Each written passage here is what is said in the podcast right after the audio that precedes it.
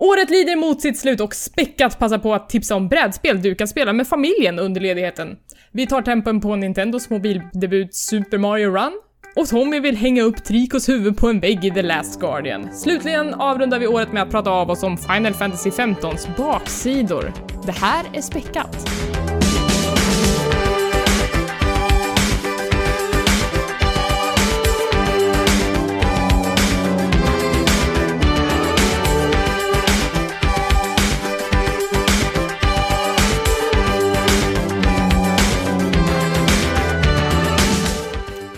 Verkligen gjort ett café i Japan med Apple Pen? Jävla förbannad på det. Hej och välkomna till Späckat, en podcast om spel och allt runt omkring. Det här är det allra sista avsnittet för i år, nämligen avsnitt nummer 18. Och när det här avsnittet släpps så är det typ bara en dag innan jul. Och med mig har jag Tommy Ho, ho, ho, ho, ho. och Niklas. Ho. Och jag heter Elisabeth. uh, hörni, hur känns det att liksom, vi har ju hållit på i nästan ett år med den här podden nu. Är det sant? Ja, men jag tror att vi började liksom ganska tidigt. Nej, det har vi inte. Vi började i maj. Skojar bara. Håller på Men men ändå. mitt i podden. Ja, ja, men det känns, men det känns ändå som att det liksom är någon slags milstolpe. Mm. Mm. Och jag som har lite koll på lyssnarsiffrorna kan ju säga att det går spikrakt neråt. Ner. Nej. Nej då, det går, det, går, det går väldigt bra faktiskt. Det är kul ja, men, att så många det är lyssnar. Ja, kul. Och vi hoppas även att ni vill liksom ha oss i era öron i julstöket eller kanske när ni varvar ner efter julklappshysterin efter kalanka. Vad vet jag. Smacka på den här podden mitt under julklappsöppningen så mormor får något skönt att lyssna på. Löständer trillar ur. Ja. Oh god. Uh, uh, vad, vad, hur mår ni? Mår ni bra? Ja, Det går Mm. bra. Jättebra. Känner ni julstressen? Ja, fast det är väl främst liksom för alla spel man borde ha spelat innan den här podcasten. Innan årssammanfattningen, men det kommer ju senare. Men det är väl mycket överlag skulle jag säga. Själv då?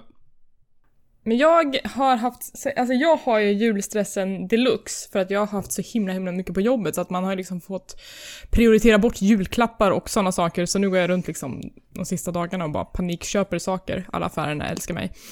Um, vi släppte nämligen några DLC på jobbet och det var en så sjukt mäktig känsla att se grafik som man har varit med och ta fram på första sidan på Steam. Till vilka spel var det? Ehm, till eh, Dead by Daylight släppte vi ett DLC och ett till Payday 2. Ehm, och det var, ja, men det var bara så här sjuk grej. Först så jobbar man så här svinhårt och man bara ah, alla mina kollegor går på julledighet så att jag måste typ rodda den här bollen själv. Och sen så bara blir det bra och allting går jättebra och sen så öppnar man Steam och bara det där har jag gjort. Kul, grattis. Eh, ja men det var så här kul moment i alla fall. Eh, så det är liksom, man ser ju att det blir någonting det man gör.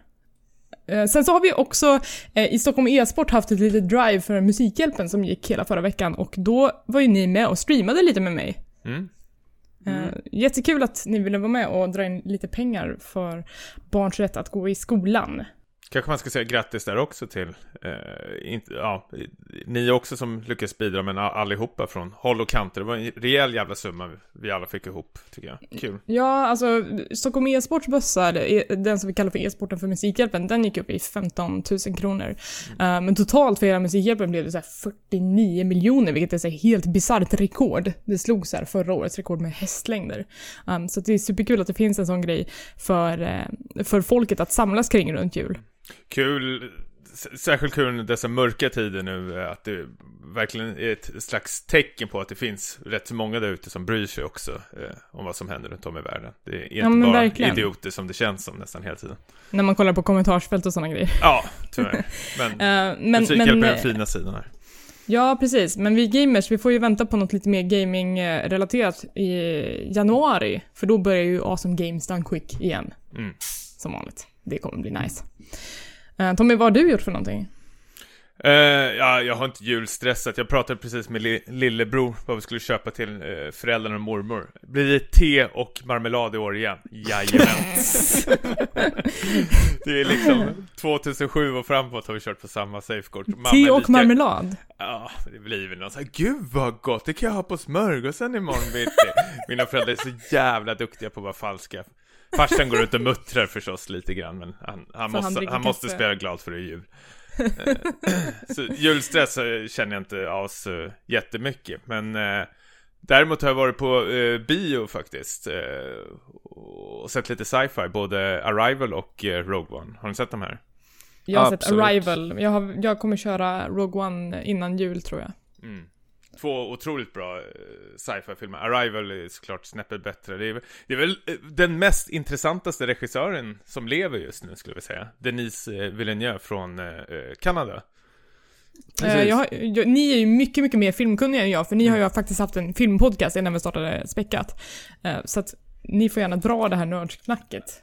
Ja, Villeneuve är känd för mest över Prisoners och eh, Enemy vad släppte han? Sicario släppte han eh, precis innan Arrival, men hans, hans bästa är väl den som har gått förbi många är väl Navals hemlighet. Den kan jag verkligen rekommendera till eh, allihopa. Det, det är fan en av de bästa filmerna någonsin. Helt otrolig. Precis, och nästa år så kommer ju då Blade Runner 2, som eh, är väl hans mest prestigefyllda uppdrag hittills. Mm. Och Svårt den har man ju liksom, den eh, jag som verkligen älskar första filmen har ju tyckt att det här var en dålig idé, onödig idé, men nu såg man den här teasern och börjar förstå att det finns ändå en potential här. Såg väldigt snyggt ut, ser ut som man har fångat eh, originalstämningen. Det om det är en som ska göra det så är det väl Villeneuve faktiskt. Jag, jag, skulle inte vilja se Ridley Scott komma tillbaka och göra Blade Runner eller James Cameron eller någon annan så här galen regissör. Så jag är väldigt glad med Eh, regissörvalet. Sen kommer väl Villeneuve behålla de flesta i teamet. Det är väl, eh, vad heter han, isländaren Johan Jonsson kommer väl göra musik också tror jag. Precis, och så samma fotograf, eh, ja. Roger Deakins, så det blir bra. Men alltså, film. jag uppskattade Arrival därför att det är liksom sci-fi som är jäkligt spännande men det är ju inget pew-pew i den nästan överhuvudtaget. Mm. Uh, och jag, ja, men jag, och så tycker jag att Amy Adams är fruktansvärt uh, duktig skådespelerska. Ja. Um, och liksom, gillar man Interstellar då kommer man gilla Arrival. Det tror ja, jag. verkligen. Alltså det är det man älskar med Villeneuve. Han är så otroligt duktig att berätta eh, med bilder och eh, ord och alltså manus och allting. Hur det liksom klaffar med varandra. Mm. Musik och allting så det blir det är ju en rejäl jävla emotionell resa, alla hans filmer faktiskt. Så mm. Jag tycker man ska se allting som han har gjort. Det är otroligt bra. Jag mm. får eh, passa på att göra den när jag har chansen. Mm. Se, se Navals hemlighet, det är en jävla berg bana så Jag tror inte ens jag vill se om den filmen kanske, men ja. Mm. Men eh, Rogue One då, tillfredsställde den eh, Star Wars-nerven? Oj, lång suck. Suck där. Nej, det var mer, jag tänker till. Jag vet, jag, nu är det väl fyra dagar sedan jag kanske såg den och jag har inte det känns som jag inte riktigt har kunnat smält den så mycket. Jag har inte tänkt på den så mycket efter jag sett den. Den, den var precis, vi pratade om det Niklas efter eh, visningen, att den var nästan som man trodde den skulle vara. He, helt okej okay, eh, Stavårsrulle. Bättre än den här eh, trilogin 1, 2, 3, men långt ifrån 4, 5, 6 och 7. Ja, det skulle jag väl hålla med om. Kan säga att den första besvikelsen när det gäller Rogue One var att vi inte fick se den på IMAX. Trots ja, att vi hade just det. bokat biljetter i god tid innan, men det fanns ju en risk att taket skulle rasa in där, så det var IMAX i Solna var stängt. Mm. Men ja, vi får det se. var man väldigt kan... många som drabbades. Ja, dålig timing. Men man kanske ser den igen eh, på IMAX eventuellt. Om man inte lyckas smälta den till dess. Jag tyckte den den avslutade väldigt starkt, filmen tycker jag. Den... Mm. Otroligt bra sista tio minuter, en kvart faktiskt. Eh. Men mm. resan dit var väl lite... Eh, lite skakig. Ja, sådär var den faktiskt. Väldigt bra på sina ställen och väldigt sådär på sina ställen. Vi ska väl inte spoila för mycket. Nej, jag vill ju gå och se den snart. Ja, precis. Men mm. den, den, är helt klart sevärd, det ska vi säga. Mm. Ja, men okej. Okay. Kul.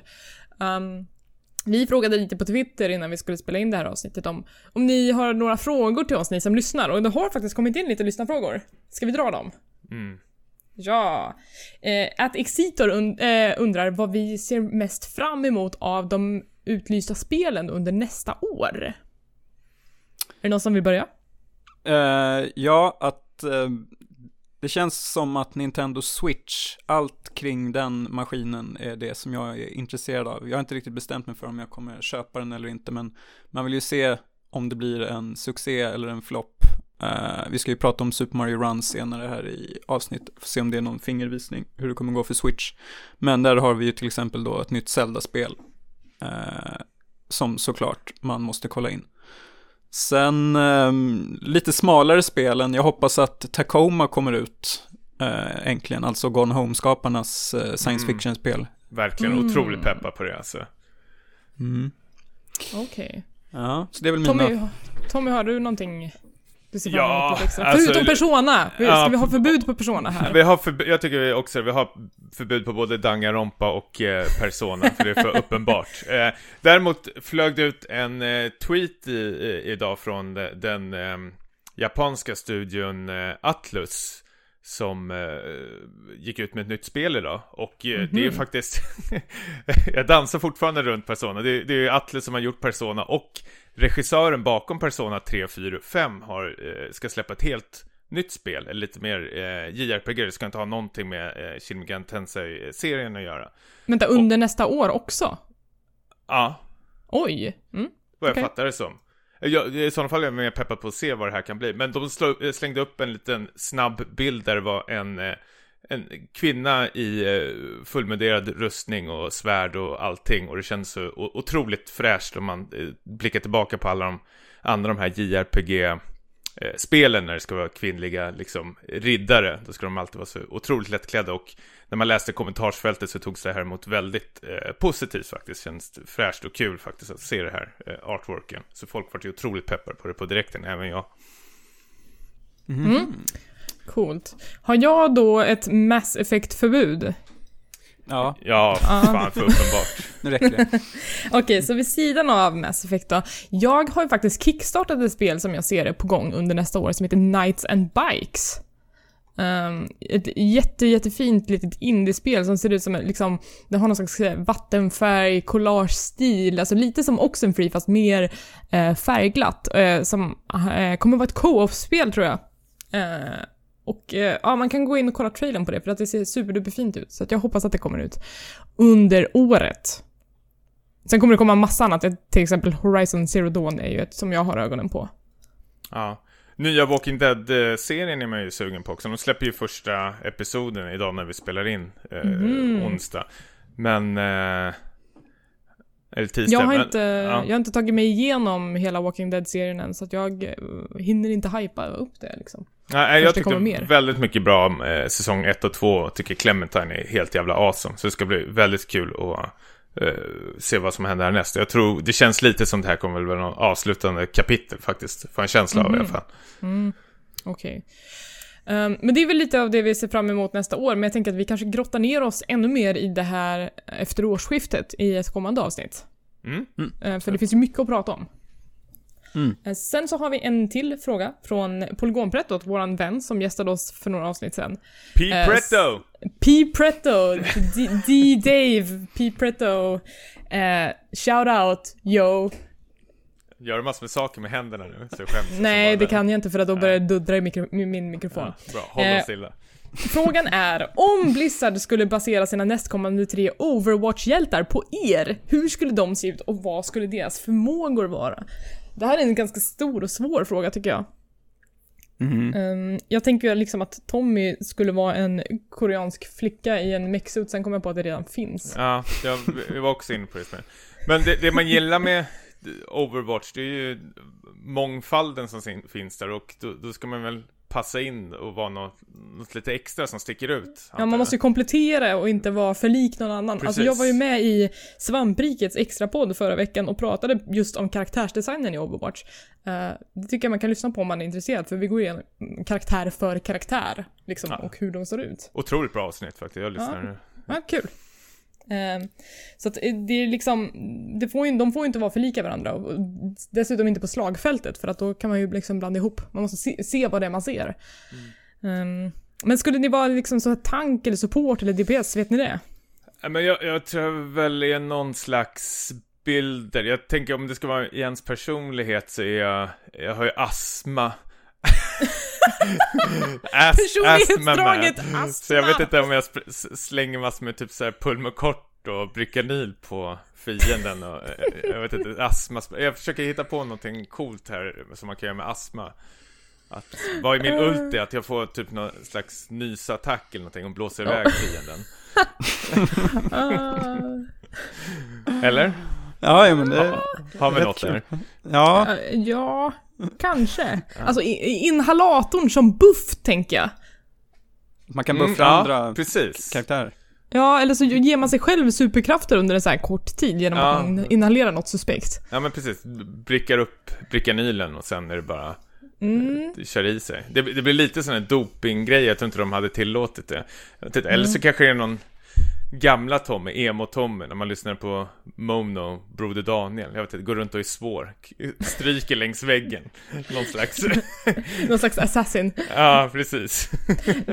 Eh, Niklas, du har ju inte spelat jättemycket Overwatch, eh, men har du ändå på känn någonting som du skulle kunna bidra till det här spelet med? Eh, ja, kanske någon som skulle, likt mig själv, vara liksom född med ordets gåva. Så att man kan på något sätt... Och väldigt ödmjuk också. Nej, men så att man kan prata kanske om kullfienderna, eller här, övertyga dem eh, om liksom, kanske att byta lag för. Det skulle väl röra till saker och ting, men Gå offline. gå offline. Men jag, jag, din ulti, jag vet exakt vad det skulle vara. Eh, Du har ju berättat för mig och må- många andra, så fort det blir så problem eller jobbigt så, brukar du säga att du brukar bara blunda och så brukar jag ögonen stängda i flera sekunder och, och hoppas att när du öppnar ögonen så är, är problemen borta. Så jag tänker att din ulti kan ju vara att du, du blundar i sådana fall och sen när du öppnar ögonen, det blir helt svart på skärmen, då är fienderna borta, då har de börjat om från spawnpointen allihopa. Oh, det är ganska... att Skicka tillbaka folk till spawn tycker jag ändå är en intressant mekanik. Ja. Eh, det gillar jag. Jag tänkte att det som eh, Overwatch kanske saknar är väl någon som jobbar med en rörlig eh, proxy-enhet. Alltså till exempel Torbjörn bygger upp sitt torn, men tornet är ju stationärt. Jag skulle vilja ha någon som har någonting som man kan liksom smyga runt med och då tänkte jag att jag kan ju ha min fula, fula katt som eh, en, eh, en maskot i Overwatch. Ja. Eh, Jag går runt som en svår art director och jag är inte så himla duktig på någonting alls själv egentligen. Men jag liksom använder min katt som är duktig på att klösa folk och mjaua högt. Eh, och eh, gör någon slags eh, DPS med. Kan, för, för jag tänker precis, Art Director, kan du inte liksom skissa upp liksom, det är lite som Widowmakers Ulti, men att du skissar upp var fienderna kommer befinna sig eller något liknande, att man får någonting, jag vet Mm. nå- någonting om man kan få papp, pappret på penna, facit i Kanske en handen. minimap. Ja, Alltså man kan se liksom uppifrån en minimap som man har i de flesta andra spel. Eh, att man får det under en kort period. ja men Ultin kunde heta Face it in the hand. och då, då, jag vet inte om, om fienderna attackerar alla er eller någonting så kanske liksom tiden spolas tillbaks för allihopa i fem sekunder. Mm. Ja, det här tåls att jobbas vidare på tänker jag. Ja, jag tror vi har någonting. Blizzard, ring Ja. oss. Ja, ring oss. Vi får komma på Blizzcon 2017 så får vi prata på så här Q&A inför massor med människor. Typ så här. We have this idea. kommer Red Shirt Guy och Do you know Broder Daniel? anyway. Och jag bara blundar och hoppas att alla ska försvinna.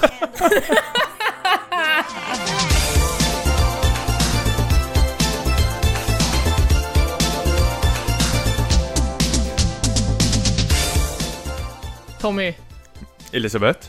Nintendo har äntligen förstått att mobila spel är en grej. Ja. Du har väl förstått sen Pokémon Go kanske? Och det var inte ens de som gjorde det, de bara 'Fan, det här gick ju bra' Ja. Nintendo har ju varit liksom så förvånansvärt sega på många bollar de senaste åren. Sega, var det någon rolig... Nej, det var det inte. Nej, Pun okej. not intended. How not intended? Ja, mm. Eh, Men sen så i år så gick de ju ut på, det var på Apples konferens va? Eh, Att de skulle göra ett Super Mario-spel till mobilen. Mm. Och nu är det här. Super Mario Run. En hand? Ja, det är den största uspen tydligen. Man bara, det kan jag med typ alla mina mobilspel. Det är typ det som är essensen av mo- mobilspel. Ja, om det finns någon som kan klara Dark Souls med fötterna så tycker jag att det här är väl självklart. Vatten. Eh, men det här är ju då egentligen en helt vanlig Mario-plattformare med undantaget att Mario springer hela tiden. Så det enda man gör egentligen är att styra hopp och eh, att han snurrar i luften så att man kan liksom fördröja landningen av hoppet. Eh, men i allt annat så ser det egentligen ut som en klassisk Mario side-scroller. Skulle man kunna förklara det så? Ja, alltså folk som har spelat det här Rayman-spelet som även finns på IS eh, kommer väl eh, känna igen sig i det här antar jag också. Det går på automatik och bara något eh, knapptryck därifrån så hoppar den här gubben då. Som heter Mario heter han. Ja, precis. Glömde bort. Men eh, jag, jag vet inte vad... eh, Jag var ju som, precis som många andra satt ju nästan och räknade ner eh, timmarna, dagarna när det här skulle släppas. Jag var, jag var väldigt sugen faktiskt på en, eh, samma dag det skulle komma Okej, ut. att liksom- stopp och belägg. Vad var det som lockade dig? För jag kände så här att man, man bara Super Mario på mobilen. Jag bara gäsp. Varför var det här en bra grej? Jag vet inte, jag tror det är väl lite att man vill vara med i eh, snacket eh, och, och se vad det är för någonting. Det är, det är väl kul när, när det är jättemånga som spelar samma spel tycker jag och man kan prata lite om det och eh, Okej. blanda lite åsikter och tankar. Sen, sen vet jag inte vad jag hade för förväntningar. Hade jag ens några känner jag. Jag, jag känner mig samtidigt rätt så likgiltig till det här och känner fortfarande faktiskt. Men det, jag, jag tycker ändå att eh, Mario, när det väl kom, så gjorde... Alltså först och främst, det var ju inte ett betalspel från början utan man får hämta spelet gratis. Jag trodde att det skulle kosta från början. Det var också en grej som eh, var ganska avtändande. Sen när jag såg att det var gratis, jag bara sweet, det är klart jag testar. Och det som, det som jag upptäckte var att Mario gör sig förvånansvärt bra i det här formatet. ja. Jag trodde att det skulle kännas lite meningslöst liksom, men jag tycker att det är ganska kul. Det, alltså det jag gillade var ju att de, det, här känns som det är det första betalda spelet. Vad, vad kostar det? 109 kronor för ett fullprisspel? Det känns som du får väldigt mycket kontext eh, i det liksom. Det, det känns, alltså mobilspel för mig är ju väldigt, jag spelar knappt spel på mobilen för jag tycker 99% av allting som kommer ut i stort sett skit och allt annat som är bra finns på någon annan plattform som jag lika gärna kan spela där. Men eh, jag tror det som är bra med Mario är att det finns kanske många andra spelskapare nu som kan se att liksom oj shit det här det funkar och man kan betala det för en eh, rejäl summa och liksom folk är ändå nöjda för folk verkar i stort sett eh, väldigt nöjda av det här. Har fått ett intryck av det i alla fall. Men, men, men kan man inte också ta en 100, för, till 100 kronor för att man heter Nintendo? Jo, men jag, jag, jag tror samtidigt hur, att det har väldigt mycket, hur mycket energi och sånt man lägger i spelet. Det här känns ju som de har suttit med ett tag och förnulat alltså på, på allting du kan göra när det redan har kommit ut. Du, du har, hur många är det? Sex världar eh, och fyra banor i varje värld. Om jag inte minns helt fel. Ja, det stämmer. Tror jag. Och så, och så har du liksom att du kan bygga ditt eget här, svamprike. Och du har liksom att du kan spela mot andra spelare. Du har att du kan spela mot kompisar. Du har liksom fullt med hemligheter. Du kan liksom samla på olika coins på varje bana. Liksom. Det finns otroligt mycket att göra för det här priset känner jag. Faktiskt. Och sen visst om det här är liksom riktat till någon slags barnpublik. Jag vet, eh, chef på mitt jobb, han var ju väldigt glad i början. när det var gratis och sen när den laddade ner och dottern började skrika Det kostar pengar pappa, då började han himla med ögonen Berättade han för mig. Men nu har han Ja. köpt det i alla fall och eh, hela familjen. Men det, det, vad jag fattade som, jag har inte kommit så jättelångt Att det ska bli otroligt svårt mot eh, slutet Ja, okej. Jag har inte kört eh, alla världar än. Jag har kört kanske två hittills. Eh, men jag tycker att det här Told Rallies-modet, det det vill säga när man racear mot kompisar, man, man, eh, när man kör en bana då, så väljer man ut en kompis eller en annan spelare och eh, då ser man liksom en skugga av den spelaren, hur, hur den tog sig igenom banan eh, och hur bra det gick för den personen. Ehm, och sen så ska man försöka slå det helt enkelt. Och det tycker jag är superkul faktiskt. Det är ju jätteroligt att så här mörda in i någons ansikte. Kolla, kolla, kolla, kolla, jag slog dig. Men hur, har du förstått hur det där funkar? För jag har bara spelat två, tre gånger det där Men att jag får ju upp en lista där det är massor med okända personer Mm. Och så trycker jag på den här eh, personen att jag, jag vill utmana dig. Mm. Och sen spelar man, det är inte realtid då, utan Nej, det är nej, redan nej. i. Men om de vill utmana mig, hur, jag har inte märkt några konsekvenser eller någonting. Finns jag på den där listan för andra, eller måste jag spela någonting för att liksom lägga upp Jag t- mig på nej, jag listan? tror, att, jag tror att du kommer finnas på den listan och sen så är det väl större sannolikhet att du, du dyker upp i dina vänners listor. Tror jag. Okej. Ja. Jag är inte, jag är inte 100% koll på det här, men det, det är så jag har fått uppfattningen att det är. Eh, Så jag tycker att det är ganska, det är ganska skoj. Och jag har ju Mm. betalat den där hundringen och jag, jag har fortfarande ganska mycket kvar att spela. Ja. Så, Kan man betala någonting i själva spelet efter att man har köpt mm, det? nej jag tror inte det. Hur är det med sådana här uh, coins och sånt där? Det har inte så jättebra koll. För man kan ju köpa sådana här uh, hus och sånt i sin lilla värld som man bygger, bygger upp. Skulle inte förvåna mig om det finns några... Kanske inte finns några mikrotransaktioner där. Eller så kommer det, för det känns ju som att de har lämnat utrymme för mer content som kommer att komma. Att Super Mario Run är någonting som de garanterat kommer bygga vidare på. Ja. Om Nintendo ska fortsätta med det här, är det några andra spel vi ser fram emot? Några liknande? Donkey Alltså, Kong Run? Alltså jag skulle kunna tänka mig Pikmin i ett sånt här format. Det tror jag skulle vara ganska intressant. Har ni spelat det? Ja, det har jag. Men jag tror Ja. charmen med sådana här spel är att du helst, och det Nintendo försöker sälja in också, att det är en hand, att man bara liksom kan flippa lite snabbt med händerna. Pikmin känns otroligt avancerat med zooma in och zooma ut och trycka och pilla runt för den här lilla iPhonen. Eller fel? Ja, alltså... Jag vill ha något det, alltså jag lätt, tänker att... Jo, men jag tänker att man gör om Pikmin till ett eh, 2D-format. Okej, ja. Att man liksom ska knuffa på, knuffa på saker eller lyfta saker eller bära saker fast man gör det liksom 2D. Det tror jag skulle vara ganska spännande. För att, eh, för att ett iPhone-spel ska lyckas för mig i alla fall är att det måste vara liksom de här små snabba fixen och det är det som Mario är så Mm. bra. Det är så korta banor och det går så otroligt snabbt som du väntar på tunnelbanan den ska komma om två minuter. Då är det liksom perfekt att ta fram och bara kanske riva av en bana medan man ja, lyssnar på musik eller någonting. Ja, Men- jag, försöker, jag försöker kolla i appen nu om det finns någon butik, men jag, nu hittar jag inte tillbaka till butiken, så jag undrar liksom om man är klar med det när man väl har köpt hela spelet. Ja, jag hoppas Ja, det. kanske är så. Ja. Ja, men... Men du, du eh, verkar jättenöjd. Jag är, alltså jag är helt okej nöjd. Alltså jag tycker inte att Super Mario är världens bästa spel, men jag tycker att det här är en väldigt bra iteration av Mario. Så skulle jag säga. Mm. Ja. Ska du köpa Niklas, den Niklas? ja, är du sugen? Eh, det ska komma till Android va? Ja. Jag vet inte. Jo, det ska du väl? Okej. Mm. Nej, det ska jag inte göra. Så att det spelade ingen roll. Nej, men det, jag vet inte. Ett slit och slängspel för över 100 spänn. Jag vet inte. Jag ser, jag ser ju nu också att så här, folk försöker släppa eh, cracks av Super Mario Run till Android. Ladda inte hem dem, för det verkar vara massa malware i de filerna. Så att, Mm. vänta hellre på en officiell release än att försöka push your luck. Det finns folk som vill skada dig ute på internet, kära lyssnare. Vi är inte en av dem.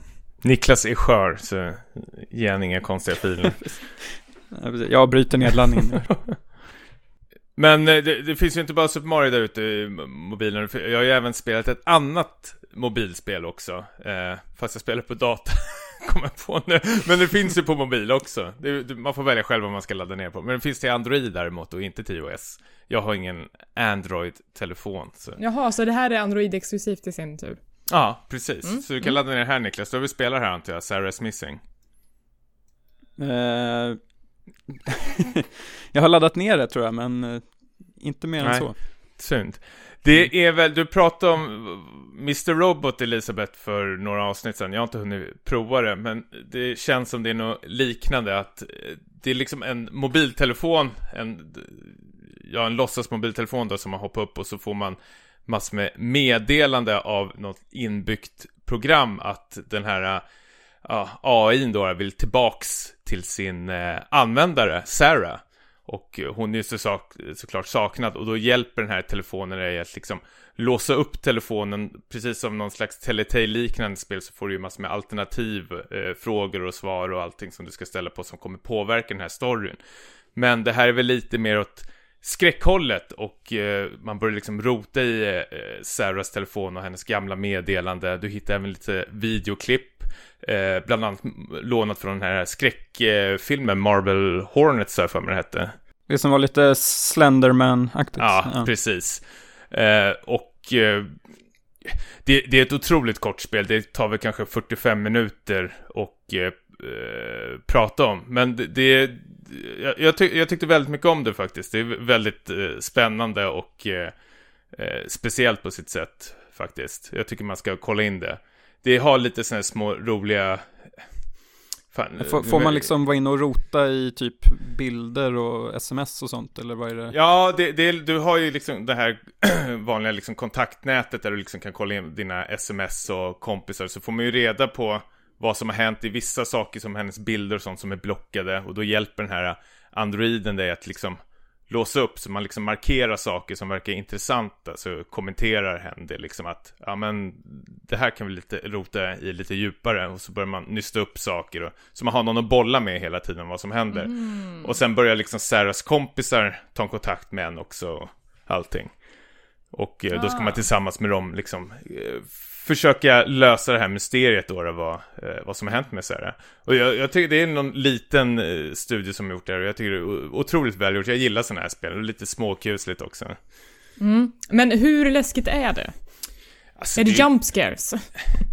Det var väl någon sån där liten sån här cheap men det är väl mer ett skräckmysterium faktiskt. Alltså psykologiskt eller? Ja, det skulle jag vilja säga. Du får ju massor med obskyra meddelanden från så här personer som inte vill liksom eh, utge sin identitet liksom, men som mm. vill att man ska möta upp en på eh, vissa konstiga platser. Rätt så kul för de ger även liksom koordinater och sånt som man använder på Google Maps så kan du liksom se var de här ställena utspelar sig någonstans också, vilket gör det väldigt coolt. Så det här, jag tycker verkligen, det är ju långt ifrån ett svinbra spel, men det är verkligen inte dåligt. Det, det är perfekt, eh, liksom, trekvart. Jag tror det är, jag tror det är gratis, men man kan lägga liksom en symbolisk summa till utvecklarna. Ja, Så... det kanske man vill göra. Ja, det kanske man vill. Man måste ja, stötta de här små studierna. Ja, jag, jag älskar sådana här små, eh, liksom, narrativa spel liksom, där ja, det, man ska göra massor med alternativ och handling förs framåt och sånt. Det, jag tycker det var en riktigt tufft upplevelse faktiskt.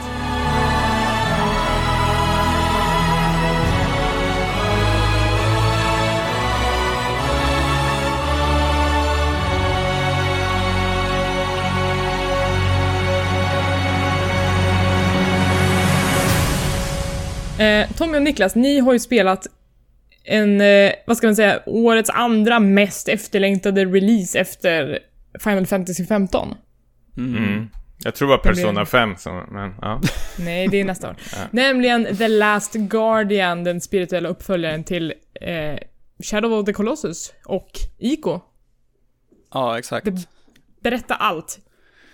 Uh, ja, alltså, det var ju då Team Ico som redan för ja, nio år sedan då började jobba med det här. Eh, men sen så blev det problem under utvecklingen och eh, ja, Fumito Ueda då som är den huvudsakliga uh, utvecklaren då av spelet eh, verkar ha haft lite personliga problem och de, har, de var ju knutna till Sony. Han lämnade Sony, ja, det har varit väldigt mycket så här eh, cirkus fram och tillbaka. Nej men det har väl varit någon slags Duke Nukem Forever eh, över det här spelet liksom att det har blivit något stående skämt att det kommer aldrig komma. Men sen så fick vi faktiskt se det då på E3-mässan förra året. Eh, och nu är det här. Och eh, då är det Hur frågan, känns det? Ja, om det är frågan är, är det värt all väntan? Jag tycker ju att, eller vi kan ta bara lite snabbt vad det handlar om. Um, man spelar ju då den här lilla pojken som vaknar i en, eh, någon slags ruin eh, bredvid en sån här väldigt stor kattliknande varelse, någon slags eh, ett monster, en best av något slag. En hybrid av massor med djur. Ja, exakt. Låter typ som en T-Rex tyckte jag. Men ser väl ut mer som en katt, fågel, hund hybrid. Som då är fastkedjad och man hjälper den här besten att komma loss och sen så börjar man då tillsammans eh, att försöka fly från de här ruinerna. Så man känner ju igen sig lite dels från eh, IK, IK-premissen där att man, man eh, är fastlåst och man hittar en vän och tillsammans då försöker man ta sig ut härifrån. Och som då den här stora liksom bäst, bästen då, monsterdelen känner man igen då från Shadow of the Colossus som gick ut på att man skulle dräpa ja, ett, ett gäng bossar som drog omkring ute på slätterna. Så man känner ju igen sig. Eh, och det är väl både positivt och negativt skulle jag säga. Vad har, man, vad har man för förväntningar efter liksom Shadow of the Colossus som ändå var ganska... Eh, alltså jag har inte spelat det själv, jag har startat det bara lite grann.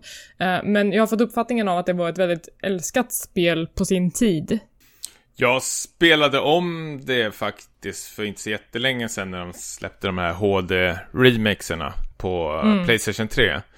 Mm. Och det har inte åldrats så jättebra och då tänker jag särskilt på kontrollen eh, till spelet faktiskt. Det är otroligt liksom sirapsliknande kontroll. jag tycker det är väldigt, väldigt svårt att liksom känna att man har kontroll över spelaren och det, det, känns nästan som de har fört med sig det här problemet till The Last Guardian. Eller? Jag funderade lite kring det eh, nu när jag spelade Last Guardian, för det är ju lite som du säger, kontrollen känns inte supertight. Eh, det känns, det känns lite som att spela ett, ibland gamma, ett gammalt Playstation 2-spel, tycker jag. Det, det ser ut som ett Playstation 3-spel, men känns nästan äldre, ännu äldre än så. Ka kameran är väldigt bångstyrig också och hoppar hit och dit. Och när jag spelar eh, The Last Guardian så funderar jag på om fallet var så även i Shadow of the Colossus och Ico, om man kanske liksom har eh, glömt bort det, romantiserat det lite, att det var så fantastiskt i övrigt så att man glömde bort, eh, man valde att förlåta att kontrollen kanske inte var så här supertight. Jag tror nästan de flesta spelen var sådär på den tiden. Jag har inte spelat Playstation 2-spel på jättelänge, men det, det, det, här fick mig verkligen liksom vakna till att liksom säga, just det, så här var det fan. I alla fall när jag spelade HD-remaken, att liksom det, de har verkligen tagit med sig den här värdelösa kontrollen. För liksom det du drar höger styrspak för att liksom rotera på kameran och du drar den full kraft och liksom kameran liksom rör sig så jävla långsamt och sen liksom bara flyger den iväg liksom. Du är liksom ingen mjuk kontroll liksom över själva kameran.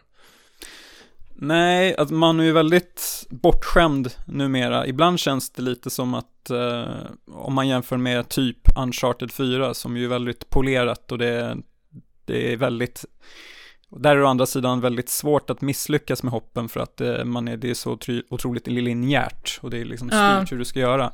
Här det hjälper till. Ja, det håller dig i handen väldigt mycket. Här är det lite tvärtom kan jag tycka, att det känns väldigt, jag tycker det känns svårt att veta vad du ska göra, hur du ska interagera med de här pusslerna och framförallt hur du tillsammans med den här eh, kattdjuret då ska, ska samarbeta. Um, och det, det gör att det blir lite frustrerande bitvis. Eh, det känns lite som att man inte riktigt vet vad man ska ta vägen. Jag kör fast väldigt mycket. Och då, man kan säga då att um, den här historien berättas då av den här pojken som vuxen. Och då säger han då liksom när du har sprungit runt i det här rummet i tio minuter så säger den här rösten att ja, efter ett tag så funderade jag på om jag skulle dra i den här spaken och se om dörren öppnades. Något i den stilen. Och så tar man sig vidare den vägen. Så att man, man får hjälp på det sättet. Jag lärde mig förstås där djuret är, alltså där hen liksom tittar eller stirrar eller är i närheten. Där någonstans är nästa pusselbit för att ta sig framåt. För det, det är inte så romantiserat som eh, folk vill tro att det är att man liksom har full kontroll över det här eh, bästen då, utan den, den går till ett ställe och sen liksom är den där och liksom eh, vi, vi ska fram här. Visst, man kan ropa på den och den liksom knallar över till den, men sen går den tillbaks till samma ställe har jag märkt att för att liksom indikera att eh, här borta finns det något. Ja. Men eh, det, jag tycker liksom kontrollmappningen är ju också väldigt, väldigt, väldigt konstig. Att du, är det att du hoppar på trekant och... Mm. Ja, det, den har, har, jag verkligen inte blivit kompis med. Och du kan ju inte ändra den heller som jag, vad jag har sett. Nej. Ehm, Och liksom du ska hålla in den här knappen för att kunna klättra på djuret. Och jag vet inte hur många gånger liksom jag har... Det, det känns som djuret är uppdelat i liksom stora polygoner. Att här benet har en, kroppen har en, svansen har en. Och om du liksom överstiger den så fast kan den här liksom gubben fastna liksom. Att man inte kan liksom klättra vidare utan man måste liksom räta upp sig rejält för att liksom hamna i någon synk med svansen och ryggen. Det kan bli otroligt konstigt ibland och ibland kan man inte ens liksom hoppa av djuret för att han liksom vill fastna där. Jag tycker det är så otroligt konstig kontroll. ja, ehm, men vad tycker du om själva trikovarelsen då? Bästen, alltså som, som, eh, för det är väl det, det är ju det som är trumf, trumfkortet här får man säga. Alltså, jag, jag gillar den så fan, den är otroligt söt. Alltså jag, jag ska ju säga, jag gillar det här spelet till en viss del. Alltså jag gillar tanken, jag gillar idén. Eh, men det är väl själva utförandet som gör mig så otroligt irriterad. För jag tycker det finns någon... Eh, det, det här är ju någonting vi inte ser så ofta och jag tycker de har gjort det väldigt bra. Man känner att det finns någon slags eh, så här, band bet, bet, eh, mellan de här två.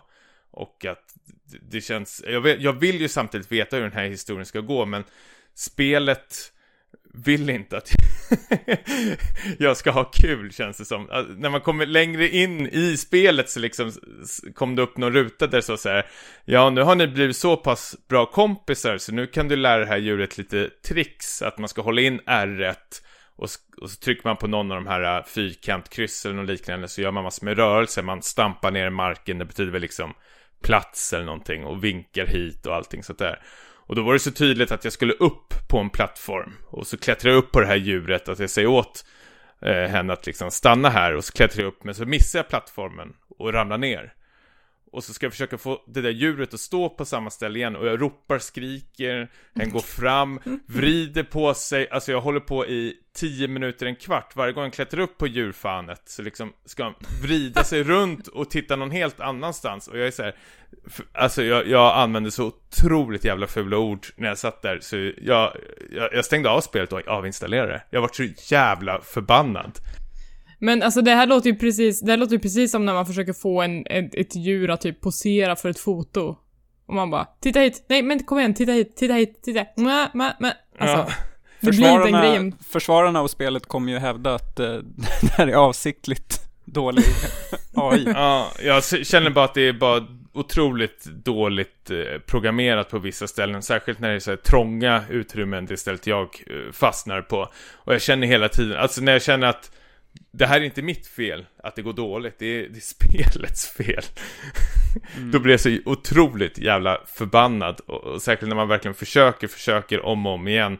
Men, men liksom djuret liksom, när man klättrar upp så bara knallar iväg och gör något helt annat. Och jag, bara, jag ska upp på den här plattformen, ditt lilla jävla as. Så slutet, jag, jag ville bara liksom ta en tidning och liksom snurra ihop den och ge en rejäl dask på stjärten. Det är djurplågeri Tommy, sluta. Därför du inte ska skaffa djur på riktigt. Nej, jag, jag vet inte, jag var väl, vad ska man säga, allergisk mot det här djuret. Jag, jag, fy fan, jag, om jag hade haft verktygen så hade jag avlivat det på direkten. Nej! Jo, det är bara en spruta. Och sen hade jag hängt Du upp är huvudet. hemsk! Ja men jag hade gjort det, en spruta så hade den somnat in. Och sen hade jag kapat av huvudet och satt upp det på Nej. väggen. Sluta! Nej det är sant, Det är en trofé tänker jag. Det här går jag det vill inte byracka. umgås med dig längre. Nej. Jag har apan i Donkey Kong också här uppe. Allt är Okej, därför. men, men vad blir summa summarum av det här? alltså, skulle ju, alltså, är det ett rekommenderat köp? Eller Ja, liksom? det, låter, det hör du väl? Att det, Men Niklas, har du kul? Du blir aldrig frustrerad på det här djuret, eller? jag har väl blivit frustrerad ett par gånger, ehm, men inte till den graden som du beskriver, men jag har inte kommit lika långt heller, så jag eh, fasar ju lite för det här. Men, jag, men det är lite som jag sa inledningsvis, att det känns lite som att spela ett spel som så här har fastnat i tiden. Eh, jag gillar vissa aspekter av det, liksom det här nostalgiken i mig, men det är samtidigt sånt här som man kanske förlät förut, alltså Mm. oprecis kontroll och dålig kamera, sånt som man inte accepterar längre i spel.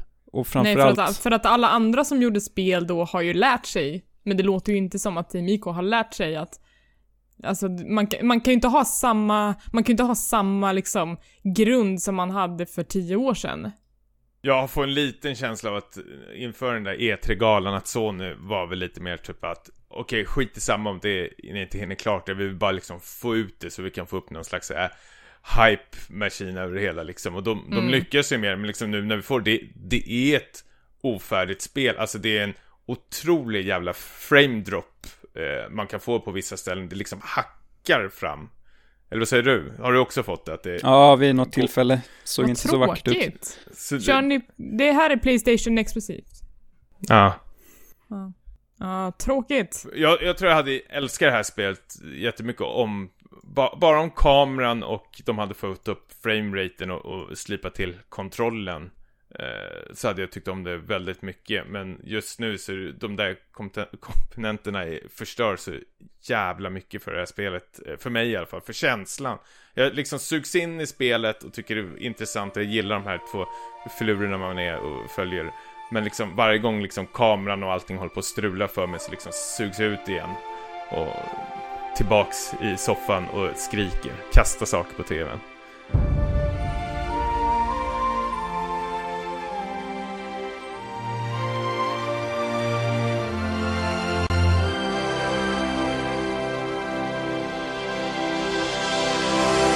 Jag tänker ta den här podden till lite mera, till en lite mer analog nivå idag. Det är ju nämligen i juletider, då är, träffar man familjen och lik förbannat ska man gamea och därför spelar man brädspel. Eh, jag har spelat ett spel som har sträckt sig över hela året Eh, med ett gäng kompisar. Vi har nämligen spelat säsong 1 av Pandemic Legacy och den, den här helgen som precis var så spelade vi klart det allra, allra sista uppdraget och det kändes som en så här stor seger. Um, så jag tänkte jag skulle prata lite grann om det idag. Ehm, Pandemic är ju liksom en ganska stor spelserie som har liksom ett antal expansioner och det går ut på i, i breda drag att eh, ett antal sjukdomar sprider sig över världen spelarna, som är upp till fyra stycken, ska samarbeta för att försöka stävja de här eh, sjukdomarna och till slut bota dem helt och hållet. Det är väl liksom den, den korta, korta versionen. Så man, man spelar tillsammans mot spelet eh, och man har liksom olika verktyg för att ta sig an den här uppgiften. Eh, superkul spel, men sen så kom den här legacy-versionen som är liksom en eh, iteration på Risk Legacy som kom tidigare, där man har byggt upp det här spelet som en, en story. Eh, Det finns då 12 uppdrag man ska göra och man liksom sparar sin progress efter varje uppdrag så att som världen ser ut efter det första uppdraget som då är januari, det följer ju också med i februari. Um, och sen så kommer det hända en massa saker längs vägen, man får öppna en massa luckor, man får öppna en massa lådor, det tillkommer en massa ny mekanik och uh, uppdrag och saker man ska hitta och göra och så. Uh, och det blir en väldigt uh, en spännande brädspelsupplevelse för att den är väldigt eh, levande och varierad. Problemet med det här spelet är att man kan bara spela det en gång eftersom eh, inverkan som man har på världen, det gör man i form av klisterlappar, att man klistrar liksom saker på det fysiska spelbrädet och man ska också riva sönder kort. Ehm, så att eh, det blir ju liksom en 600 spänn i sjön när man nu har spelat de här 12 uppdragen. Eller jag vet inte om det kostar mer. Um, Fast det är ganska många, ganska många speltimmar måste det ha blivit Ja, ändå. man får mycket, mycket tid för pengarna. Eh, Niklas, du har också provat det här en gång i tiden. Tommy också, så han ska inte Ja, du undan. med. Jag trodde det var det var ja, bara jag, Niklas. jag äger det. Jag sitter och spelar fortfarande. Jag har inte klarat den. Men Mhm. eh, Niklas var ju med, en i gänget. Mm. Eh, jag vet inte vad, vil, vil, vilken ände vi ska börja. Niklas startade någonting i vårt kompisgäng som hette eh, Brädspelskassan. ja, där vi skulle liksom skicka in pengar till Niklas så skulle han köpa ett brädspel. Eh, ja, vad sa vi, en gång per kvartal eller något liknande. Och vi har väl köpt tre, fyra brädspel och jag tror alla de brädspelen har Niklas hoppat av och somnat ut. Niklas är en sån jävla hycklare så ja, jag vet inte. Du, ja, då har vi liksom, vi andra fått spela klart det liksom och sett, gett en recension till Niklas. Du, Ja. Nikl, det, det, Niklas nackdel med det här är ju att det är så mycket regler som man ska hålla på och läsa och förklara och sånt där. Så Niklas brukar mest liksom komma bakfull, breda ut sig på soffan och sen somnar du. Problemet med just Pandemic Legacy, eh, som jag hoppade av i mars månad då, när vi hade tre tolftedelar in då, var väl, alltså jag kände att det fanns ett roligt spel där under, men jag tyckte inte de här eh, regeländringarna gjorde så himla mycket för mekaniken. Det var mest bara att det stoppade upp flowet med att man skulle då eh, sätta ut lite klisterlappar och jag kände väl inte att det hände så himla mycket så långt som jag hängde med. Jag vet inte, har ni, har ni spelat det här vidare utan mig, menar du alltså? Nej, Nej. men vi kom ju till en viss del av spelet. Vi ska inte spoila för mycket. Men det händer ju otroligt mycket in i spelet. Jag vet inte, du, har, du zonade väl bara ut då när vi satt och skrek så här, Åh, vad coolt, fan vad nice. Då låg du och eh, pillade dig själv i naveln och... ja, så kanske det var. Ja, men det, det är mycket twists and turns i det här Ja. spelet. Eh, Så att de här sjukdomarna, de kan ju liksom utvecklas eller eh, det kanske kommer eh, nya sätt att hantera sjukdomen på. Vid, vid en tidpunkt så kommer militären in och då kan man göra massa nya grejer med spelplanen. Ehm, men eh, då har ni alltså kört i alla fall en liten bit av det spelet. Mm. Nu, vi, som sagt, vi ska fortsätta medan Niklas spelar Monopol hemma.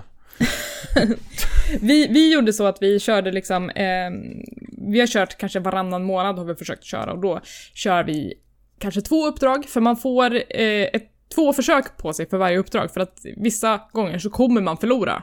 Eh, det är inget snack om saken. Man förlorar till exempel när eh, man har slut på kuber eller ja. Eh, Det finns en mängd olika win and lose conditions som ändras över spelets gång. Ehm, och eh, ja, just det, hur många outbreaks man har haft i världen kan också påverka spelets utgång.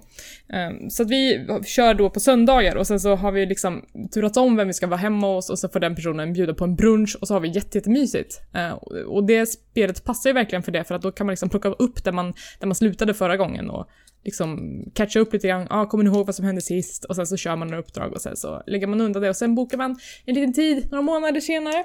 Ehm, så det har varit en så här supermysig grej att återkomma till, men där man inte, eh, eller så här, man ändå känner att man, man kommer någon vart i spelet. Ehm, så jag kan, jag tycker att det var, har varit en supermysig grej, så det är en kul grej man kan göra om man har ett gäng spelare som kan tänka sig att liksom ägna tid återkommande. Ja, alltså det tar ju otroligt mycket tid det här eh, spelet faktiskt. Men det, det är nästan det jag gillar. Jag gillar de här episka brädspelen. Och det här heter väl liksom Season 1. Jag förstår inte, kommer det komma en uppföljare till det här? Eller? Ja, de har, de har lyst ut ett Season 2 redan, Okej. så det är på gång. Ja. Eh, och det tror jag skulle vara fristående, om jag inte har fel. Så att man, eh, man måste inte spela ettan för att ta, ta sig an tvåan. Du har en chans till Niklas. Måste vi köpa en ny spelplan då, eller hur funkar det? Eh, ja, det måste man. Alltså då, då är det ju nya uppdrag också. Eh, och, Okej. Ska Och du du har förstöra väl- också? Ja, ja. Det är klart det ska. Ja. Eh, men med anledning av det här och eh, i och med att julen är den tiden då man ska spela brädspel så har jag också satt ihop en liten lista. Späckats topp 3-lista. Det är ju nämligen så här att tidningar, de brukar alltid ha så här enorma brädspels specialer inför jul. Problemet är att den enda brädspelstillverkaren som skickar ut recensionsexemplar till tidningarna är Alga. Och då får vi i de här listorna år efter år Monopol, Risk, Rappakalja, Besserwisser, Alltså Trivial Pursuit. Alltså det blir ju exakt samma spel varje år. Och sen så, det finns till och med exempel på tidningar som försöker kora så årets spel och man bara det blir Rappakalja. Man bara det är från 60-talet. Eh. Men det släpps Nya ju i... synonymer. alltså, men det släpps ju så oerhört mycket brädspel som inte når den stora massan, men de finns ju liksom på SF-bokhandeln eller på webbhallen om man vill köpa det själv. Eh, Så jag tänkte tipsa om tre brädspel som inte är monopol, eh, som man kan ta med och spela med familjen under ledigheten. Men du, innan du drar igång, det här måste liksom... Har du några liksom kriterier för att det ska passa in i den här listan för att dra med familjen? Jag känner liksom om man ska ta med sig Pandemic liksom. Eh, och, sätt dig ner, jag har regler nu för två timmar. Det är precis eh, det som är kriteriet, att man ska kunna spela det med familjen. Ja. Jag har ju experimenterat typ förra året med att ta med eh, spel till min familj och se liksom vad är det som går hem hos de här personerna och eh, vad är de intresserade av att spela mer av. För att de, de är, de tycker om brädspel, men när de väljer, då blir det typ Yatzy. Eh, och då vill jag liksom spicea upp det här lite grann. Eh, så att jag har valt nybörjarvänliga spel för de som inte är inne i liksom the hardcore board gaming. Eh, men de spelen jag har valt är också kanske inte allihopa från i år, utan de är bara lite, lite fräschare än Rappakalja. Så, som jag tycker om jättemycket, alltså jag har inget emot Rappakalja, men det är inte årets spel. Ehm, eh, så, och de är också så här utan inbördesordning, inget av det är bäst, utan bara så här. Det här är bra spel, som man kan ta med. Ja, Är ni redo? Shoot. Yes. Eh, då skulle jag först vilja tipsa om ett spel som heter Codenames. Eh, och Codenames har gått ganska, ganska bra i år, så att det har till och med kommit på en svensk översättning, vilket är superviktigt, för det är ett ordspel. Eh, det här spelet går ut på att man eh, delar upp sig i två lag. En person i varje lag är en så kallad spymaster och de eh, kommer ha koll på vad som finns på spelplanen. Spelplanen består av 25 kort där det står olika ord och man ska försöka få de andra spelarna i sitt lag att plocka rätt ord genom att ge dem associationer. Det är den korta versionen. Um, så att jag kanske vill att mitt lag ska hitta eh, röd, eh, eh varg och eh, eh, mm, korg. Och då kanske jag försöker säga liksom rödluvan eller ja, men sådana saker. Att man bara försök få precis de orden som jag syftar på. Eh, och det kan bli väldigt dråpligt och väldigt roligt. Och, och då ska liksom det ena laget ska hitta sina ord först och man eh, ska ju då försöka inte vända upp det andra lagets ord och sen finns det också en, en lönnmördare bland de här orden som är liksom en instant lose så att eh, Spymasters måste leda dem bort ifrån det ordet i sina associationer också. Eh, och det finns jättemånga kort så att det blir liksom en helt ny spelplan varje gång. Men är det lite som Rappakalja då med, Ja, alltså lite mer med synonymer alltså, och associationer. Eh, och liksom, man kan ta olika mycket risk. Eh, så att om jag vill att de ska välja ett ord, då kan jag ju sä- säga någonting som är väldigt, väldigt tätt sammanlänkat med det ordet. Men vill man komma före i spelet, då vill man ju att laget ska plocka så många ord som möjligt. Så då kan jag säga att nu vill jag att ni ska plocka upp tre ord och de har alla med det här ordet att göra. Men då blir det ju lite svårare också, för du måste ju kunna utesluta ord som de inte ska plocka upp. Okej. Ehm, men eh, det tycker jag är ett superbra spel och det är superuppskattat i min familj. Eh, och det finns på svenska nu, så att det, det var ju lite krångligt med så här regler när, när man körde det på engelska med svenska spelare. Ehm, så det är ett bra spel. Codenames? Codenames heter det. Codenames. Names code. Nej, Ehm. nu är jag larvig. Ah. Jag nämnde ju också Yatzy tidigare. Jag hatar Yatzy. Det är Yatzy var det spelet som vi spelade på vår resa. Eh, eh, till Kuba. ja, det är väldigt kul spel faktiskt. Det är... Nej, det är inte Du roligt. hör ju Elisabeth vad jag har att göra med. Vad du har att jobba med? Fan alltså, det här är... Snart blir Mer, det jag, gris jag vill ha också. Yatzy-tips. Nej, du, jag kommer inte ge kompost. några Yatzy-tips. Mitt tips till dig är att Yatzy är inte roligt, se över ditt liv. Eh, så här, alltså, jag tycker inte om spel som har så mycket slump i sig och jag känner inte att jag kan kontrollera slumpen egentligen. Det är ingen Det slump, blir- du väljer ju vilka Nej, du ska det är satsa slump, på. det är bara RNG, det är mer RNG än i Hearthstone. Ehm, jag hatar det, och för alla som hatar det tillsammans med mig eh, så kan jag tipsa om Bang the Dice Game. Som har egentligen en ganska liknande mekanik, men det finns eh, andra objektiv som man ska uppnå med spelet. Eh, Bang är ju från början ett eh, kortspel, men nu har man gjort en tärningsversion av den. Alla spelare plockar upp olika roller i spelets början. Man eh, eh, får då en, jag kommer inte ihåg vad det är nu, det finns en sheriff, en outlaw och en renegade och eh, varje roll har olika win conditions. Så att sheriffen vinner när alla outlaws är döda till exempel. Eller renegade vinner när sheriffen är död. Alltså, det finns eh, då olika uppdrag som de här rollerna ska uppnå. Och sen så slår man fem tärningar och man kan slå dem tre gånger om, precis som i Yatzy, men då får man istället bullets eller eh, arrows, eh, det vill säga kulor eller pilar och de kommer då påverka spelet på olika sätt. Och man, målet är då att man ska försöka eliminera de andra spelarna. Vad hette spelet igen? Bang! The Dice Game. Bang the Dice Game, okej. Mm. Antecknar du nu? Ja, febrilt. Vi kommer skriva ner det här i våran, våra notes till det här, det här avsnittet också. Ehm, så det är ett alternativ till Yatzy om man hatar Yatzy, som jag. Niklas, du som älskar Yatzy, är det här ett alternativ? Eh, det får vi se. Det Men- får, du kasta tärning om. Ja, precis. Du kan få komma hem till mig och spela det när vi, nu när vi bor grannar. Ja. Ehm, och sen till sist, eh, det här spelet som jag kommer tipsa om nu är lite, lite svårare, men det har också varit uppskattat i min familj när folk väl kommer in i det. Man måste köra det en gång för att de ska liksom fatta vad det är som pågår. Eh, det här spelet heter Seven Wonders. För Mm. erfarna Mm. brädspelare så är det här ingen nyhet, utan det här är bara ett riktigt, riktigt bra och kul spel. Har ni spelat det? Ni lät inkännande. Jag, Jag vet vad det är. bilder på det. Ja, precis. Nej, men jag har tittat väldigt mycket på det faktiskt. Så jag var otroligt sugen på att köpa det flera gånger. Just det. Eh, Det här spelet är alltså ett stadsbyggarspel kan man säga. Varje spelare tilldelas en stad. Eh, Och då pratar man ju alltså om de här sju underverken, så det är antika städer som har varit stora för länge, länge sedan. Eh, Och till det här så får man en kortlek som delas ut. Eh, Alla får lika många kort. Man väljer ett kort som man använder för att bygga upp en struktur i sin stad och sen så passar man sin hand vidare till nästa person. Och sen så går det runt tills alla kort är slut. Man har byggt eh, ett antal byggnader. Man samlar också resurser, för byggnader kostar resurser. Och sen i spelets slut så räknar man helt enkelt ihop vem som har byggt den mesta stormakten, kan man säga. Ehm, det låter enkelt, det är lite klurigt att komma in i för man måste förstå liksom Vad man ska eh, satsa på. hur, ja, vad man ska satsa på, hur resurserna fungerar och sådär. Men när man väl kommer in i det så går det jäkligt fort att spela och det är kul för att man måste klura lite, man måste sabba lite för sina motståndare. Eh, men eh, det är ett spel som jag alltid kan komma tillbaka till. Sloganen, svårt att lära sig, lätt att bemästra. Ja, det skulle man nog kunna säga. Ehm, så det här är mina tre spel. Jag kommer, jag kommer bara gå igenom dem kort en gång till, så att, för jag kom på att jag inte har sagt hur många spelare de gäller. Ja.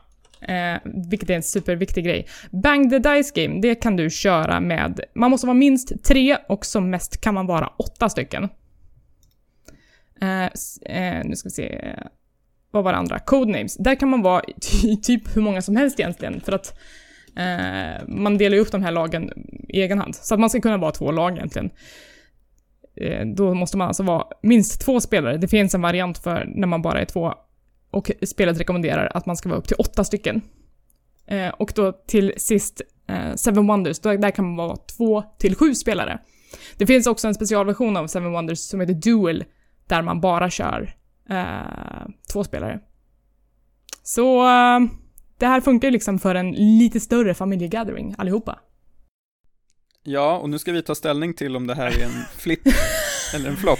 Ja, det men så? det här blir kanske inte en sån lista för ni har ju inte kört något av de här spelen. Ja, men det är om vi gillar vad vi hör med de här Ja, men det kan ni, det kan ni få flippa. Det är så här, kan man applicera det på sin egen familj? Eller kommer Mm. pappa sitta och gapa om var är tårtbitarna? Är det inte Trivial Ja. Pursuit vi ska spela? Ät Okej. upp dem. Ja, shoot. nej, men jag, eh, jag, jag gillar ju, jag tycker det låter som roliga tips. Eh, Seven Wonders som sagt har man ju haft lite koll på. Så det tycker jag är bra. Eh, all den här kritiken mot Yatzy tycker jag väl lite sämre om, så det drar ju ner. så jag står och väger lite här, men eh, för mig blir den ändå en flipp. Det Ja. var eh, inspirerande tips.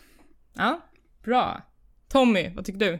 Eh, jo, jag kände ju till de flesta av den här förutom, vad heter det, Bullet någonting. Bang. Niklas Jetsu-spel. Eh, jag, jag måste ju ha till min familj eh, att det, det, det, det, jag gillar när det blir tjafs på julafton. Eh, Det gillar ju inte jag. jag, jag, gillar, jag gillar ju det här gap och skriket och det- här fulspelet som brukar finnas hos familjen Jansson. ja, så, precis. Men eh, vi, vi, för då brukar det alltid bli ett parti, eh, Resistance, som vi älskar. Och då Ah. brukar jag Ah, alltid eh, anklaga mormor och vara agent, så tar jag strypgrepp på henne. Alltså det finns, ju, det finns ju jättemycket spel som är baserade på The Resistance. Det finns ju typ Werewolf och eh, kickstartade Secret Hitler och de är ju alla fantastiska spel. Alltså jag gillar ju verkligen det här med att man kan verkligen pakta och bli ovänner med varandra, men Ja. jag tycker inte att det passar julen. Nej, i din familj. Nej, vi inte måste ju ha, vi är så snälla året om vår familj, så det känns liksom julafton det året där vi liksom är förjävliga mot varandra. Alla är besvikna över julklapparna, liksom marmelad i år igen. Och då är det skönt att dra det där resistance, eh, Kortet. ja precis. så vi, vi ja, ja, mm, in, intressant, men jag känner nog det här är nog ingenting för min familj. Det, det är ju för, för snällt spel. Bang kan man vara riktigt jävliga mot varandra. Ja. För att när du rullar till exempel en, eh, en eh, pistolkula, då, då väljer ju du vem du, den ska gå till. Vem är det som ska ta skada? Av allihopa. Jaha. Um, Jag vet inte, vi har ju riktiga pistoler. ja, nej, det har ni inte. Nu ljuger du. Men, eh, ja. Mm. Ja. Äm, Ja, nej men jag, Kom jag floppar nog den här. Nej! Jo. Tommy, jag, jag, du... jag, ja, men jag måste ha något spännande. Codenames Ja. lät för det som lät roligast. Eh, då, Eh, faktiskt. du Men får komma känner hem till mig så ska jag visa hur kul de här spelen är. Ja, men du, du får komma hem till mina föräldrar så får du visa dem. Nej, det vågar Sen jag inte. kör de ett parti de låter resistance på det. jätteläskiga. Ja, mormor tar strypgrepp på det. Det här har Tommy lärt mig, säger hon, och så viskar hon ditt öra. Nej. Jo, hon är assnäll. Men när resistance då är en jävla satmara.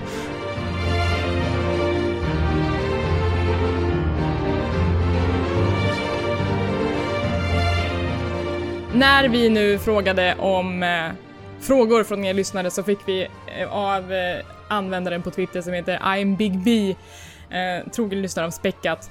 Han skriver “Jag vill ha en lång rant från Elisabeth om hur mycket röv kapitel 13 i Final Fantasy 15 sög. Bara för att jag gillar att höra er ranta. Eh, Är du arg det- på kapitel 13? då? jag är så arg på kapitel 13. Eh, bakgrunden är att jag tweetade väldigt argt igår natt när jag hade spelat igenom det. Ehm, men först och främst, Niklas, du har ju äntligen fått sätta tänderna i Final Fantasy 15. Vad är dina första intryck av det här spelet? Ehm, ja, det är ju lite som väntat, alltså att man hatar karaktärerna och att man förstår att eh, det kanske inte är de liksom, vassaste manusförfattarna som har eh, gjort det här. Eh, att det känns väldigt, eh, man, man tar sig lite för pannan när det kommer den här Stand By Me-covern och de håller på att putta bilen framåt och man förstår ju, förstod man inte innan att det här är en så här eh, roadtrip där de här killarna ska hitta sig själva, då, då fattar man det då i alla fall. Men eh, till skillnad från The Last Guardian så tycker jag att det här är, än så länge i alla fall, är väldigt kul att spela.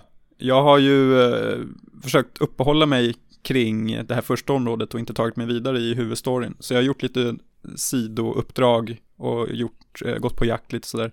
Um, jag gillar framförallt att man går verkligen all in på den här roadtrip-grejen.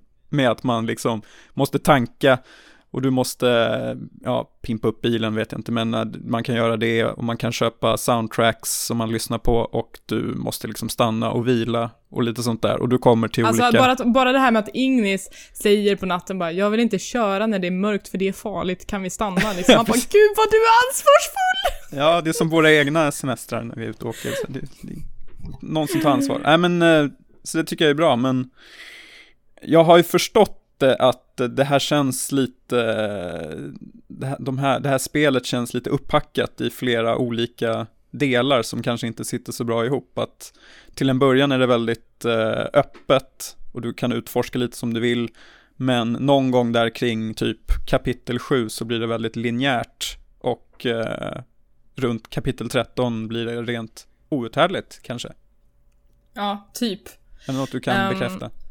Så, alltså, så som jag spelade ju det var att jag harvade ju väldigt runt, eh, eller jag harvade runt väldigt länge på kapitel 6 och gjorde de här eh, sidequestsen och jag verkligen mös med mina pojkar. Eh, och det var ju i det stadiet som jag pratade i späckat förra gången. Sen i eh, häromdagen så bestämde jag mig för att nej, nu börjar det bli lite, lite tråkigt så nu kommer jag faktiskt avancera i, i main quest.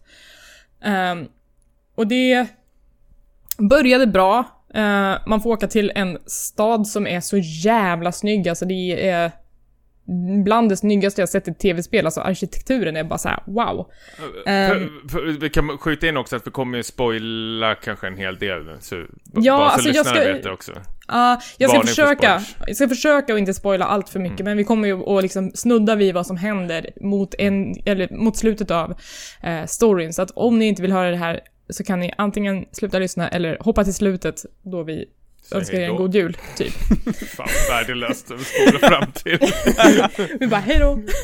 Ehm, Men, s- Men- staden vill jag höra mer om, för jag har lite tankar kring den också. Ja men alltså den är otroligt snygg men, eh, men det finns ju inte så mycket att göra utan det, det är ju bara att ta sig vidare i storyn. Det är ju bara en hållplats som Men man dröjer kvar vid väldigt kort. Sån otroligt idiotisk arkitektur i den staden. Alltså det är som en jävla Jo, men de här labyrint. broarna. Ja, Ja, och man det. hittar inte liksom in och ut ur den. Man bara springer runt i cirklar nästan. Jag vill dit bort, men det är massor med skit i vägen man ska liksom springa runt. Alltså ja, jag, och ibland så måste man ta en gondol. ja, alltså, För annars jag, går det inte. Nej, jag tycker det är så otroligt dålig jävla designad eh, Men stad. den är snygg.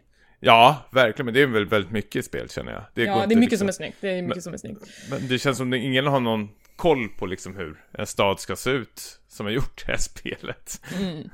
Men när man, då, när man då avancerar i den här storyn och man ska försöka komma till någon slags upplösning, alltså redan i liksom kapitel 6-ish så börjar historien bli mer och mer obegriplig. Man fattar ju liksom början med att okej, jag ska gifta mig för att förena våra kungariken. Åh nej, ett kungarike attackerade! Frågetecken. Vad är mitt quest nu? Ingen aning. Ehm, men så att jag vet inte, jag tycker berättelsen i stort känns väldigt ofärdig och det känns så himla tydligt att det är stora sjok av berättelsen som bara saknas. Um, ibla, eh, vid ett tillfälle så försvinner en karaktär ur ditt party eh, över liksom en kortare tid och man får inget svar på varför utan det ska tydligen komma i ett DLC ja. mycket senare. Ehm, det finns också en annan karaktär som känns som att han skulle vara större, nämligen Luna Frejas bror. Ehm, som då är någon slags turncloak för Imperiet, men det som händer med honom får man aldrig se. Man, först så ser man honom och sen bara, nu har det här hänt. Man bara, jaha. Och det känns som att det fanns en väldigt stor story där. Kingsley. Ja, Okej, det är Kingslave som gäller då. Ja. Vad fan. Det var det jag sa förra avsnittet, att det är jätteviktigt att se Brotherhood och Kingsley. Jag har, sett lite vill- av Brother, jag har sett lite av Brotherhood nu, men, Ja. men det känns ju också så här helt värdelöst. Alltså, då vill jag ju få den där jävla filmen med spelet. Ska Ja, om du jag köper liksom- exklusiv, eh, eller den här super edition för 900 kronor så får du filmen. Då får jag inte hela spelet om jag köper hela spelet. Det är ju helt värdelöst. Nej, det är väldigt, Um, mycket som är väldigt konstigt här. Ja, och så det, det blir ju också liksom... Det, det känns som att det är så mycket som fattas och att jag, jag kan typ pussla ihop vad det är som har hänt medan Men det är med borta. hjälp av, förlåt jag bara sticker in, men jag fick ju pussla ihop det med hjälp av liksom så här lappar som låg utspridda Ja, ibland mot fanns det lappar. Och sen var det typ så såhär radio, radioprogram såg jag också. Man bara jaha? Ja men så här jätteviktiga saker in i storyn som de bara har liksom skrivit på liksom små snabba lappar och så här, jaha, oj, är det här som har hänt här? Det hade jag ingen aning om. Jag Ja. tänker laboratoriet och allting sånt där. Alltså himla märklig grej. Ja. Eh, det, sen det, det är så de- mycket outforskad potential. Jag vet alltså det, jag tycker spelet blir så jävla dåligt mot slutet. Alltså en av personerna, det händer någonting med en av personerna så man får inte liksom springa i spelet. Och det är liksom, du måste gå hela tiden och det är ja, så, så här, jävla det, är en, det, det är en person, det är en person i ditt party som blir skadad. Eh, alltså kroniskt kan vi säga. Och att det, det gjorde så ont i mitt hjärta. alltså, och jag mådde sämre över det än typ klimaxet i kapitel 9. Jag tyckte att det var jobbigare att eh, liksom Aha, ja. Alltså jag, jag, alltså jag tycker att det var jobbigare att eh, min partymedlem blev handikappad än att typ Ja. storyn var episk. Jag har, varit, jag varit mer ledsen för konsekvensen att jag var tvungen att handskas med den där skiten bakom mig. Jag är Jag också precis som det där monstret i uh, The Last Guardian ville bara sätta en revolver där på tinningen och Nej! Jo, Du och vågar hä- hänga upp på väggen också. Tommy, jag kommer muta dig snart. Ja. Eh, Men sen så har vi också hela det här eh, kapitel 13 som är en superlinjär bana. Det är som en, en grotta fast man, är, man går bara i massa olika korridorer. Och mm, din, dina vapen har tagits ifrån dig. Eh, Det är strider som det inte är meningen att du ska vinna. Och sen så dyker det upp bossfighter där man blir one-shotad. Och de bara LOL!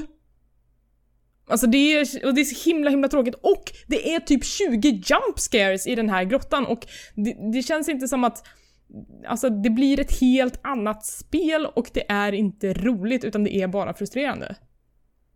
Men vad händer om du blir dödad av de här bossarna? Får du börja om då, eller vad? Ja, alltså då startar man ju om vid en checkpoint. Och, och det är liksom, alltså ibland är det meningen att man bara ska springa därifrån, men det framgår liksom inte. Hmm. Ja, det är Ehm. otroligt dåligt. Jag tycker så här, skurken mot slutet och mitten av spelet, jag, jag fattar inte vad han håller på med. Alltså Nej. jag, jag förstår ingenting. Vad, varför- Motivationen finns ju inte där. Nej, jag, alltså det är väl i sådana fall lite mot slutet när han börjar rabbla massor med konstiga saker. Så, men då är man redan trött på honom liksom. Ja, Nu- absolut. Men, men kände för det nämnde jag också förra avsnittet, är det inte flera gånger att man liksom, man fattar att det här är en skurk, men de går fortfarande runt honom, hjälper honom med saker och liksom får skjuts av honom. Alltså det är Ja, såna, obegripligt. ja, det, det är så otroligt jävla konstigt, jag fattar inte. Ja, men det här Nej. verkar vara en jävla, det är som en liksom så här, en pedofil liksom, säger så här, hoppa med här, ja, ja visst, det är ja, jag kan på. De är så otroligt blåsta de här karaktärerna, så man blir så förbannad. Ja, det är mycket, mycket svagheter alltså. Och sen, alltså, jag kan ju uppskatta när, alltså spel, för, alltså i så här spel där man lär sig att slåss och man, man samlar fär, förmågor och färdigheter och då brukar ju alltid så här, slutet vara en kulminering i att man ska liksom använda det man har lärt sig och bara Fan det här har jag lärt mig på resan och nu får jag liksom visa att det här liksom, det här är varför det spelar roll. Men så fort det är boss time i Final Fantasy 15 så är det bara Nej, nu ska vi ta ifrån dig all, alla dina verktyg som du har använt fram till nu och sen ska du bara så här höfta lite för att vi vill visa upp en snygg anime-fight. Where this isn't even my final form. Ja, Jag, vet, jag tycker fortfarande värsta bossen genom tiderna nästan, det är när man slåss mot eh, Leviathan. Alltså det, det är sånt Ja. kaos på skärmen så jag fattar inte vad som händer liksom. Det är, Mm. Kameran bara flyger åt alla håll och man trillar ner hela tiden. Åh gud vad irriterande. Det var då det började för mig. Och det var runt där kapitel 7-8 någonstans. Ja. Alltså till, till deras försvar, alltså det här är inte ett jättebra försvar, men jag tycker att bossarna är jävligt snygga. Alltså allting är jäkligt snyggt. Men det är ju inte kul. Nej. Men sen Ehm. som tur är så klarar man spelet och eh, jag, jag spelar ju fortfarande vidare. Men jag, Mm. för jag har väldigt kul i den här världen och göra de här små uppdragen. Nu sitter jag och samlar vapen och gör massor med sidequests. Alltså det är ett väldigt bra Ubisoft-spel. Ja. Men, men det är inte ett Final Fantasy. Det är inte, alltså, vad- storyn är ju inte bra. Och alltså, jag snackade med min kompis eh, Malin som man annars hör i typ nördigt och eh, sa men vad fan hur långt har du kommit nu då? Och hon bara alltså jag är kvar på kapitel 6 men som det låter på dig så ska jag nog stanna här för här är allting bra. Mm. och, och man bara ja, det, det är typ så. Men jag tycker att man Ehm. ska spela igenom spel för man låser upp en hel del saker faktiskt. Eh, Ja, och det var det, det var därför jag gjorde det. Men det är Ja. som ett plåster som måste dras bort. Ja, jag vet. Det är otäckt. Och det är bara att göra det och sen så liksom kan man glömma att det någonsin har hänt. Ja. Ehm, så det, det blir så här, det blir så snöpligt avslut på den här storyn och det går liksom från att vara så här, gud vilket mysigt och bra spel till bara det här spelet är egentligen uselt men jag spelar det för typ karaktärernas skull. Mm. Ehm, så det var min Final Fantasy rant. Niklas, kommer du spela klart det här? Ja, det är klart. Ja, de kanske har hunnit uh, patcha, patcha till ja, de ska ju 13. patcha storyn! Jag är klar. Så Ja, det blir en för- helt för- annan upplevelse. Det är ju Jag- också jag helt drog ett- sjukt. Jag drog ett save precis innan allting började balla ur på riktigt. Där i, i uh, Altisha, den här staden man kommer till. Mhm. Jag bara, jag sparar det här för jag visste att eh, Square Enix hade gått ut och sagt att de kommer patcha storyn och göra om den liksom. För att den ska bli mer begriplig. Och jag bara, jag kanske försöker, eller ger det till försök då. Men då ska det, alltså då ska det få jävligt bra recensioner, det här fixade slutet. Okej, jag kommer bara ninja-googla och titta på det på någonstans. På YouTube. Ja, det är... Mm. Eh, vad tråkigt, det blir ingen, ingen Goti-placering för Final Fantasy 15. Det kan jag säga Nej. dig. Jag, eh, återigen, jag hatar ju sånt här season pass och, eller jag gillar tanken med det, men jag tycker det utnyttjas så fullt. Det ska ju komma någon fet jävla holiday eh, DLC nu den eh, eh, 22, det har redan släppts när eh, avsnittet har släppts faktiskt. Eh, och då ska du, de släppa massor med nya grejer och allting, men sen så har de liksom eh, DLC Premium, alltså den här uppdateringen, eh, patchen då, då, ska du som season pass-användare få lite extra grejer, extra equipment och allting sånt där. Att de liksom Smart. separerar spelarna mot jag vet inte, det här känns liksom att de vill bara ha ännu mer pengar, de jävlarna. Ja, Jag, jag känner att liksom om jag köper ett helt spel så vill jag ju också kunna ta del av alla uppdateringarna. Inte att jag liksom ska bli segreterad av folk som har liksom lagt ut. Alltså Season Pass för mig har alltid varit liksom extra kontext, alltså en expansionerna man får hela tiden. Typ som eh, DICE gör med Battlefield, att nu vi släpper fyra banor varje kvartal. Det kan jag köpa och då har man ett Season Pass som en slags prenumeration. Men om det ska vara liksom eh, cosmetic och liksom eh, equipment och allting sånt där. Det, det tycker jag är bara så fult ut, så jävla konstigt. Mm. Ja, eh, så tråkigt. Mm. Och eh, nu måste jag ju tydligen se den här jävla filmen också. Ja. Fan. Om du köper spelet för 900 spänn så får du ju filmen och spelet. Du kan köpa om allting. Vad fan. nej! Jag säger nej.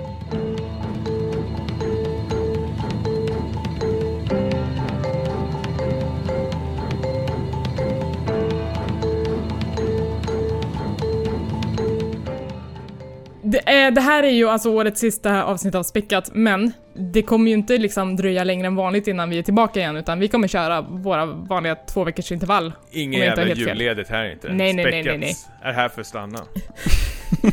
Eh, Varför skrattar du men... åt I don't know. Men vi, vi kommer i alla fall dra en liten årssummering i nästa avsnitt och kanske några avsnitt till efter det. Eh, vi vill ju liksom prata om vilka spel som har varit bäst i år, vad som kanske har varit mindre bra och eh, kanske lite mer ingående vad vi ser fram emot under kommande år.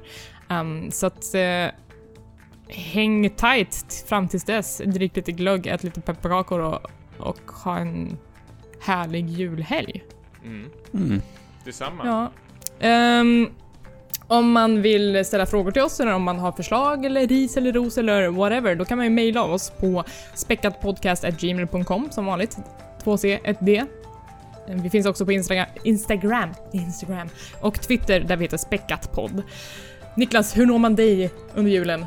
Eh, Niklas Lundqvist, Lundqvist på Lundquiz alltså. internationellt. Twitternamn. Eh, och OneLess Niklas på Instagram. Tommy? Eh, Stimpas på Instagram och Tommy understreck Jansson på Twitter. Jag heter Hangry Eli på Twitter och Hangry Spice på Instagram. Eh, och om ni tycker att Späckat är en bra podd, snälla, snälla, ge oss en liten, liten stjärna på iTunes eller skriv en liten snäll recension. Eller ni kan ju skriva elakt också om ni tycker att vi är sämst. Eh, men det hjälper oss att nå ut med podden. Tipsa en vän, vet jag, så de har något att göra under julen. kan de lyssna igenom alla våra 18 avsnitt. Ja. Ska vi önska god jul? God jul! God jul!